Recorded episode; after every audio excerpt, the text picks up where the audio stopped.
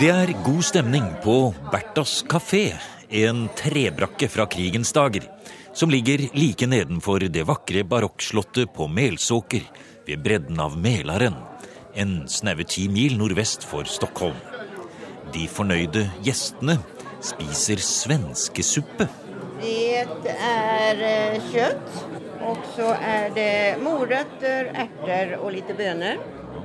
Den kanskje inneholder litt mer enn hva den gjorde under krigen. Og hvordan melsokkers mer moderne svenskesuppe stemmer med smaken fra hverdagene under annen verdenskrig, det vet Bjarne Mørk Eidem. Jo, jo var god. Ja. Det, det, det var jo ikke sånn svensksuppe vi fikk. Vi fikk jo havregrynssuppe, vi. Ja. Og så, men, men den her var god, den òg. Ja. Hva sier du, Ellingsen? Hvordan smaker det? Dette var utmerket. Og det er slik at eh, så vidt som jeg vet, så var de tre suppene Det ene var en havregrynsbasert suppe, det andre var en grønnsakssuppe, og det tredje var ei kjøttsuppe. Både Carl Einar Ellingsen, som driver Voksenåsen i Oslo, og tidligere stortingsmann med mere, Bjarne Mørk Eidem, skal vi møte igjen om litt, når vi skal se nærmere på utstillingen om den svenske Norgeshjelpen. Men her ved bordet i Berthas kafé sitter også ambassadør Anne K. Lund og spiser svenskesuppe. Hva, sier ambassadøren her borte? Er det mat du kunne servert i den norske ambassaden, dette? Ved spesielle anledninger kanskje, men eh, jeg tror vi må ha litt mer smak på den i dag enn det, det vi har fått. Men det var jo godt, og det er sunt. da. Det er jo masse grønnsaker og rent kjøtt, så dette er sikkert veldig bra for kroppen. Og eh, svenskesuppe, det holdt jo liv i mange nordmenn under krigen. Og det er det som er fantastisk. Det, her, det var jo helt eh, livsnødvendig.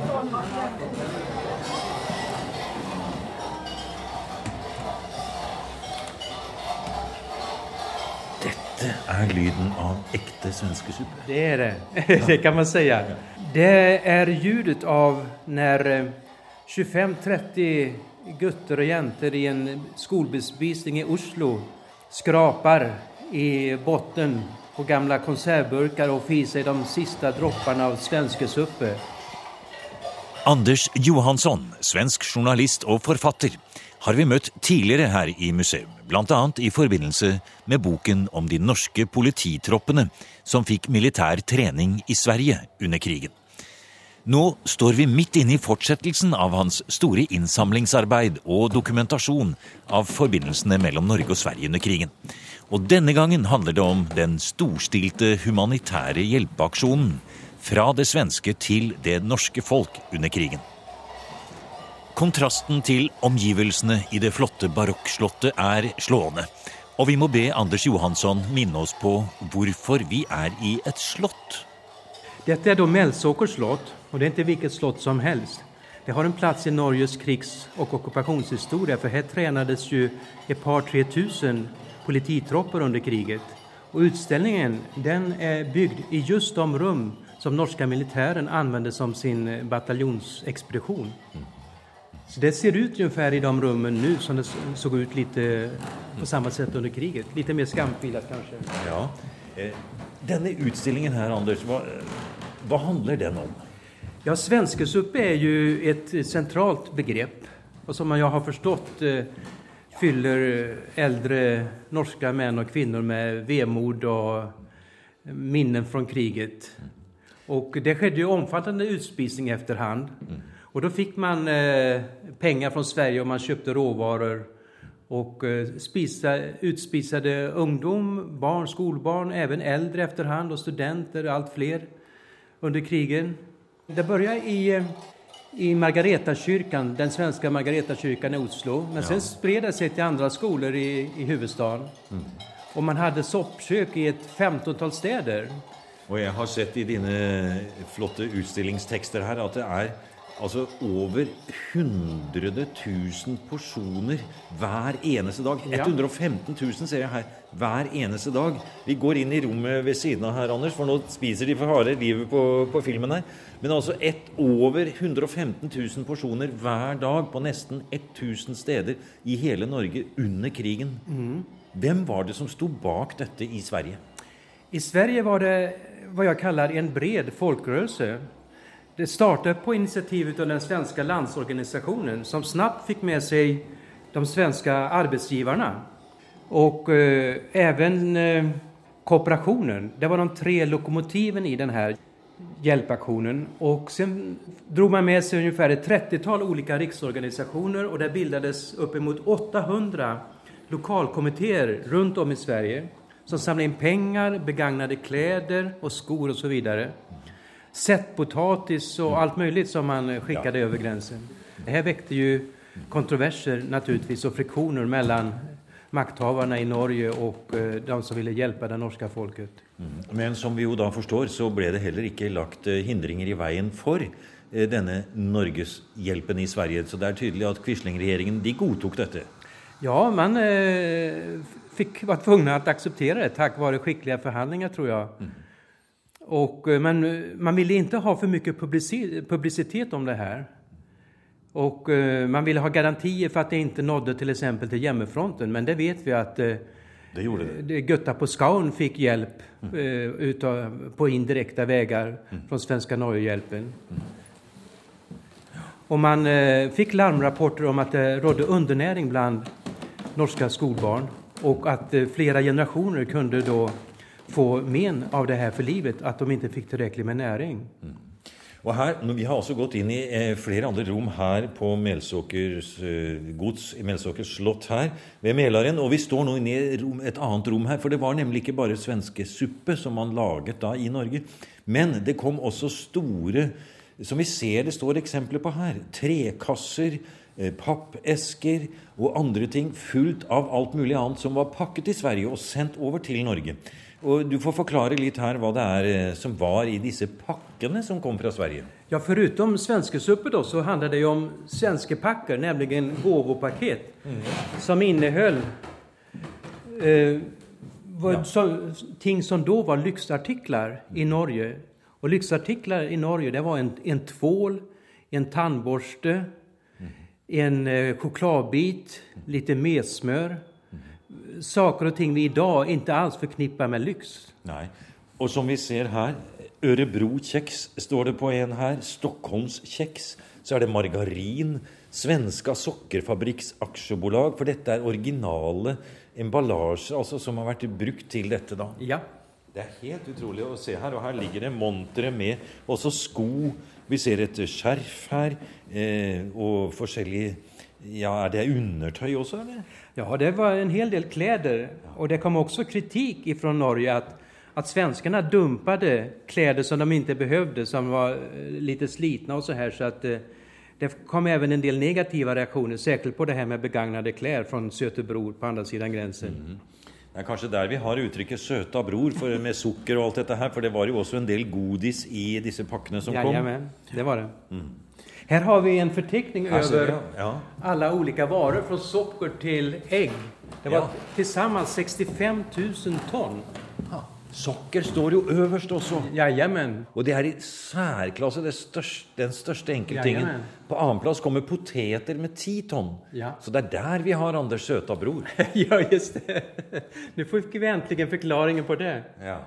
Men mye av det her kjøpte man inn i Norge, men pengene kom fra Sverige. Ja. Man kjøpte även råvarer fra Danmark mm. for uh, Norgehjelpen.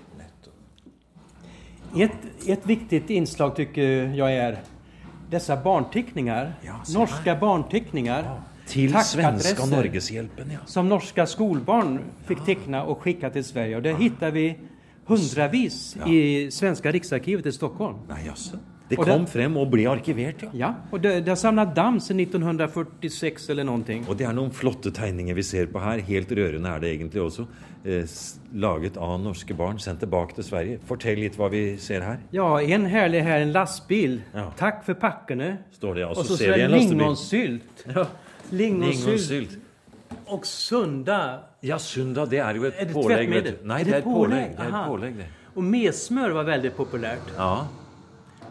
Ja, det och det, detta användes i en utställning hösten 1944 i Sverige. Jaha. De här barnteckningarna. Så de gick runt, turnerade till Göteborg och Malmö och i Stockholm.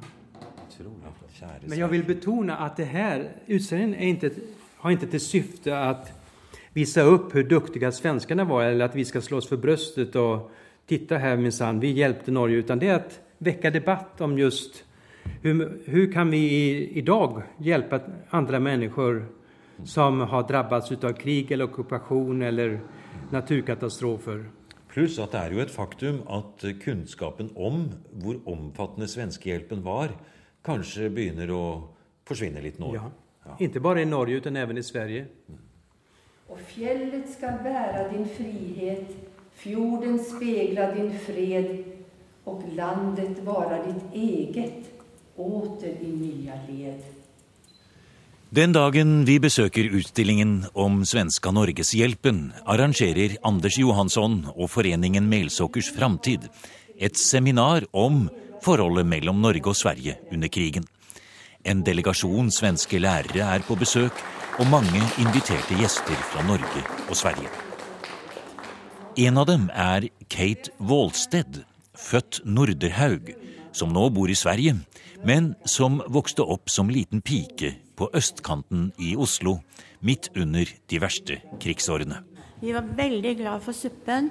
Vi fikk jo både havresuppe, iblant med klumper i. Men når vi fikk betasuppa, eller det som vi kalte det svenskesuppa, da var det jubel når det var kjøttbiter blant grønnsakene. Eh, hvor var det dere hentet selve suppa en sånn rent sånn praktisk? Den ble laget i et lokale i Ingeborgaten, det husker jeg nå. Og vi hentet suppa der. Jeg mener at hele klassen gikk til et lokale og fikk suppen utdelt. Vi hadde med oss eh, aluminiumsboller og skje. Og så måtte vi hente suppen og spise den, spiste den der i det lokalet. Ja vel, altså Dere møtte opp et bestemt sted? Dere hadde ikke med et spann og så gikk hjem nei, med det? Nei, vi hadde med kopp, eller sånne skåler ja. og så skje. Ja. Og så satt dere der og spiste, da? Tror, nei, for det var ikke så stort. Vi måtte vel ha stått rundt på gaten eller rundt omkring. Ja, Hvor ofte gjorde dere dette, da? Vi fikk jo havresuppe, faktisk. Nest, jeg mener også, hver dag. Men iblant denne grønnsakssuppa. Hmm. Så altså, når du hadde vært der og spist sammen med klassen, så du på en måte Så ble du mett, i hvert fall? Da ble vi mette. Ja. Absolutt. For den var mettende, sånn som vi smakte her i dag. Ja, Og du har fortalt at uh, ellers så var det ikke så veldig lett med mat og tilgjengelighet akkurat der som du bodde, og sånn som du opplevde det. Vi hadde veldig lite mat. Vi hadde jo rasjoneringskort og fikk jo noe da på det. Men foreldrene mine var veldig friluftsmennesker. Og, så dro, vi dro i, i Sørkedalen og hver helg. Og far fisket, og vi spiste ørret. Og, og, så gikk de på brygga og kjøpte fisk. Jeg antar at man kunne kjøpe fisk på brygga da også, under krigen. For, og da stekte mor fisken i tran, og det luktet noe så forferdelig. I tillegg til selve denne svenskesuppa som dere fikk utdelt og spiste, så har jeg forstått på deg at du har også vært borti det å få pakker fra Sverige? Det husker jeg helt tydelig. En gang vi fikk pakke, da var vi innkvartert på Tøyen skole. Og da var det utdeling av pakker. Og jeg husker spesielt jeg ble så glad, for jeg fikk Beksøm-støvler. Da slapp jeg å gå i gummistøvler.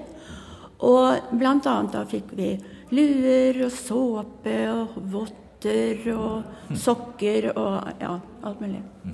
Så dette med den såkalte svenskehjelpen, det var ikke bare symbolske ting. Slik som du forteller det nå, så, så betød det noe i din hverdag, forstår jeg da, når du vokste opp i Oslo under krigen? Absolutt. Jeg tror ikke vi hadde overlevd uten den hjelpen fra Sverige. Dagliglivet under krigen i Norge, hvordan barn og unge opplevde hverdagene, var et av temaene på seminaret om den svenske Norgeshjelpen. Og fra sitt ståsted, nær sagt langt ute i havet utenfor kysten av Nordland, kunne Bjarne Mørk Eidem fortelle om hvordan det var å vokse opp som liten gutt på Vega. Og man kan jo nesten spørre om krigen i det hele tatt kom til dette øysamfunnet.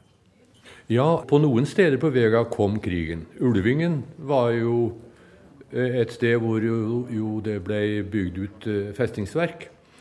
På Fastvega, på nordvestsida, var det også tyske styrker. Men på sørsida, der jeg kommer fra, der var det ikke tyskere. Jeg så én tysker under hele krigen, og det var den som var hentet bilen hans Albert Olsen. Og Som du kastet snøballer på? Ja da, vi var en gjeng eh, gutter, og vi lå på en liten haug opp ved veien og kaste snøball mot tyskeren. Og Da vinka han til oss, og da så vi jo at han også var menneske, så da slutta vi. Mm. Men det var vel antagelig i 2-43. Og så har du fortalt her på møtet på Melsåker eh, hvordan dere satt i klasseværelset og så dette slaget utenfor Vega med granater mot himmelen. Ja, slaget så vi ikke, men vi, vi så granater uh, som eksploderte opp i luften. Vi skjønte ikke hva det var. Vi hørte jo uh, buller og bråk. Og, og uh, så så vi disse hvite skydottene over et fjell. Mm. Men sjølve slaget så vi jo ingenting til. Men det som jo et, i ettertid ble lagt ned forbud mot av min mor, det var å gå og leite rak.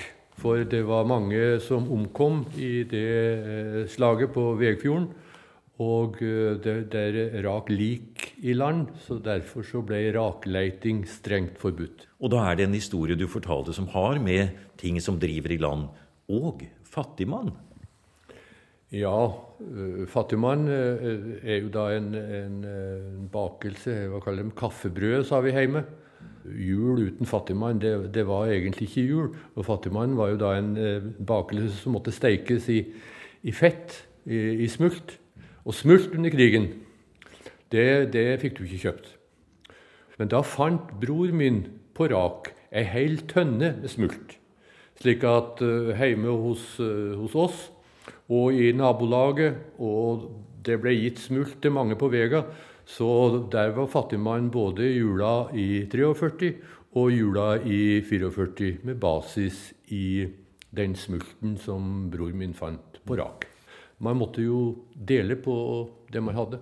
Jeg kom jo fra det som ble karakterisert som en såkalt velstandsheim, hvor vi jo egentlig hadde alt, bortsett fra penger. Og en annen ting som man også delte, var jo opplysninger. De som måtte kunne ha det, f.eks. fra en illegal radio. Og det falt i din lodd, har du fortalt, å gå med en veldig gledelig nyhet. Å være budbringer. Ja. Det var da, da freden kom, i 8. Eh, mai i 45. Vi hadde telefon hjemme, og det var én til i grenda vår som hadde telefon. Så jeg gikk med telefonbud 8. Eh, mai, og eh, den første jeg traff, var en som heter Johan Karl. Og han og hans familie hadde det ikke særlig fett under krigen. Og han var det første mennesket jeg så gråte. Mann. Av glede. Så tok han deg i armene? Ja, han tok meg i armene og slengte meg rundt. Og, og ja, det var helt, helt egentlig ubeskrivelig, den den glede som han følte over å få det fredsbudskapet fra en åtte år gammel gutt. Da forsto du at krigen hadde betydd forskjellige for forskjellige mennesker? Å ja. Det var eh, helt, helt, klart at for han hadde krigen vært eh, mye, mye vanskeligere enn den var for, eh, for oss, sjøl om det bare var noen hundre meter mellom boligene. Den svenske Norgeshjelpen var ikke bare store mengder matvarer til utdeling og suppestasjoner i norske byer. Det var også de såkalte svenskehusene. Carl Einar Ellingsen, som til daglig leder Voksnåsen konferansehotell i Oslo, som jo nettopp er det norske folks takk til Sverige for hjelpen under krigen.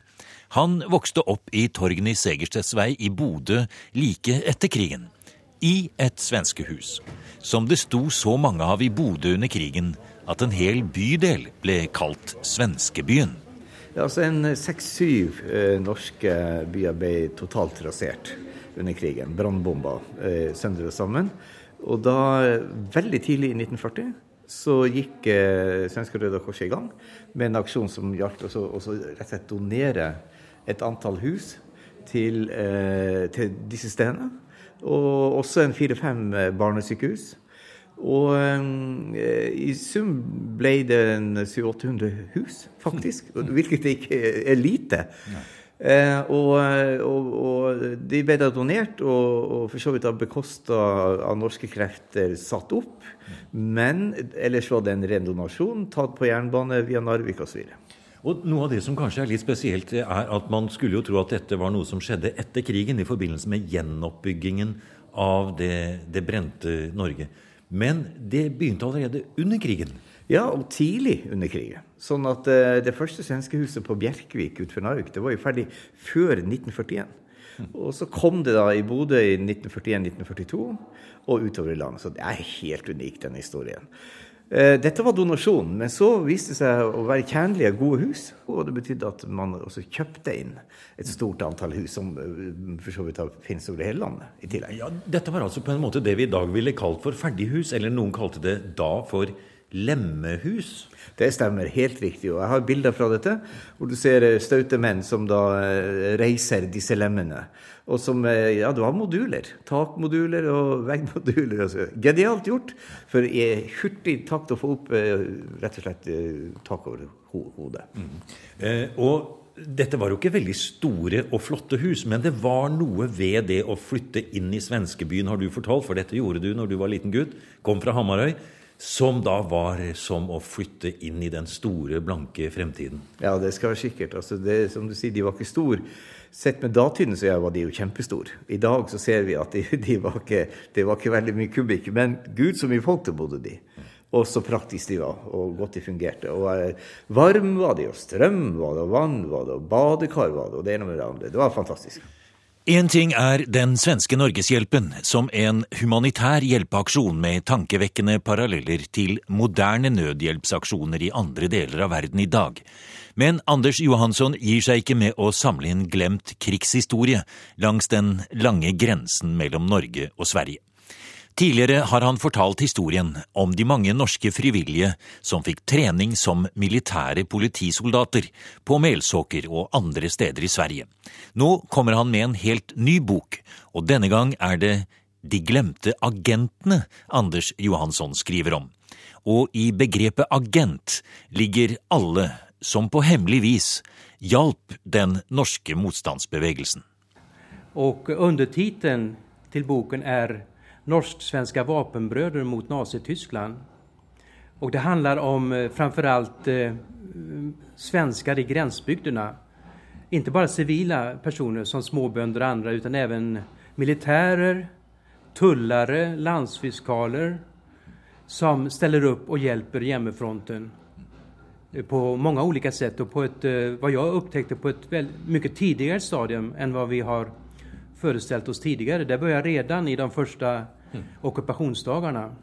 Ingen motståndsrörelse mot Nazityskland var så lyckligt lottad som den norska tack vare denna långa gräns som det jämförelsevis med många andra gränser i Europa var ganska lätt att ta sig över.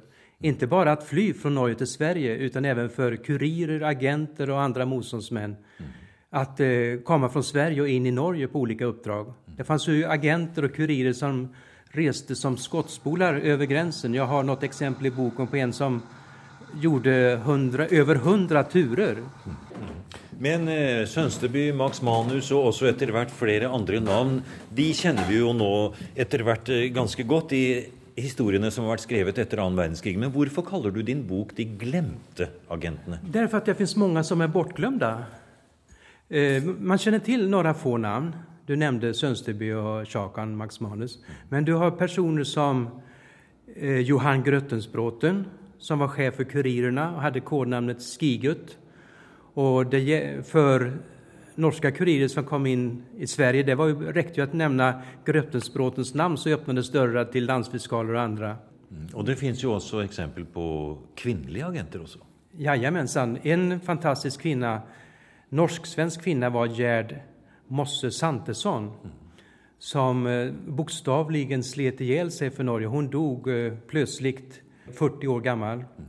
Og det var hun som i virkeligheten lå bakom denne tidningen Håndslag. Mm, nettopp. En av de flere illegale eh, avisene eller tidsskriftene som ble gitt ut og da, distribuert i den norske motstandsbevegelsen. Og vi har jo her i museum også møtt eh, Hans Petter Styren, som jeg vil tro også er med i din eh, nye bok. Han, fyller, han er med i et par kapittel, ja. minst. I boken De glemte agenterne forteller Anders Johansson om en lang rekke navngitte agenter og hjelpere på begge sider av grensen. Mange av disse historiene blir dokumentert for første gang, og det har stadig dukket opp flere navn og skjebner ettersom forskningen har pågått. Ikke minst på svensk side, sier Anders Johansson. Og man kan jo spørre seg hvorfor disse historiene ikke har blitt fortalt tidligere? Ja, du, jeg kan ikke svare på den frågan. Eh, det kanskje ikke passer inn i selvbildet, verken i Norge eller Sverige, at det var så mange enskilde svensker som stilte opp för eh, hjemmefronten og den omfattende verksamhet som ägde rum her. I Sverige har vi jo fortfarande dårlig samvete for at vi ikke stilte opp for Norge. Och i Norge tycker jag bilden av att Sverige svek Norge är väldigt djupt präglad om man hänvisar till permittenttrafiken och, och annat. Och eh, det svängde ju efterhand, även från statsmakternas sida, men från första stund var enskilda svenskar aktiva på hjemmefrontens sida. Och det är det jag bland annat berättar om.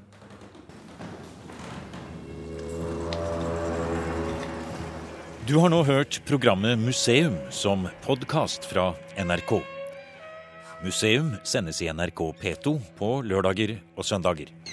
Du finner flere programmer på nrk.no podkast.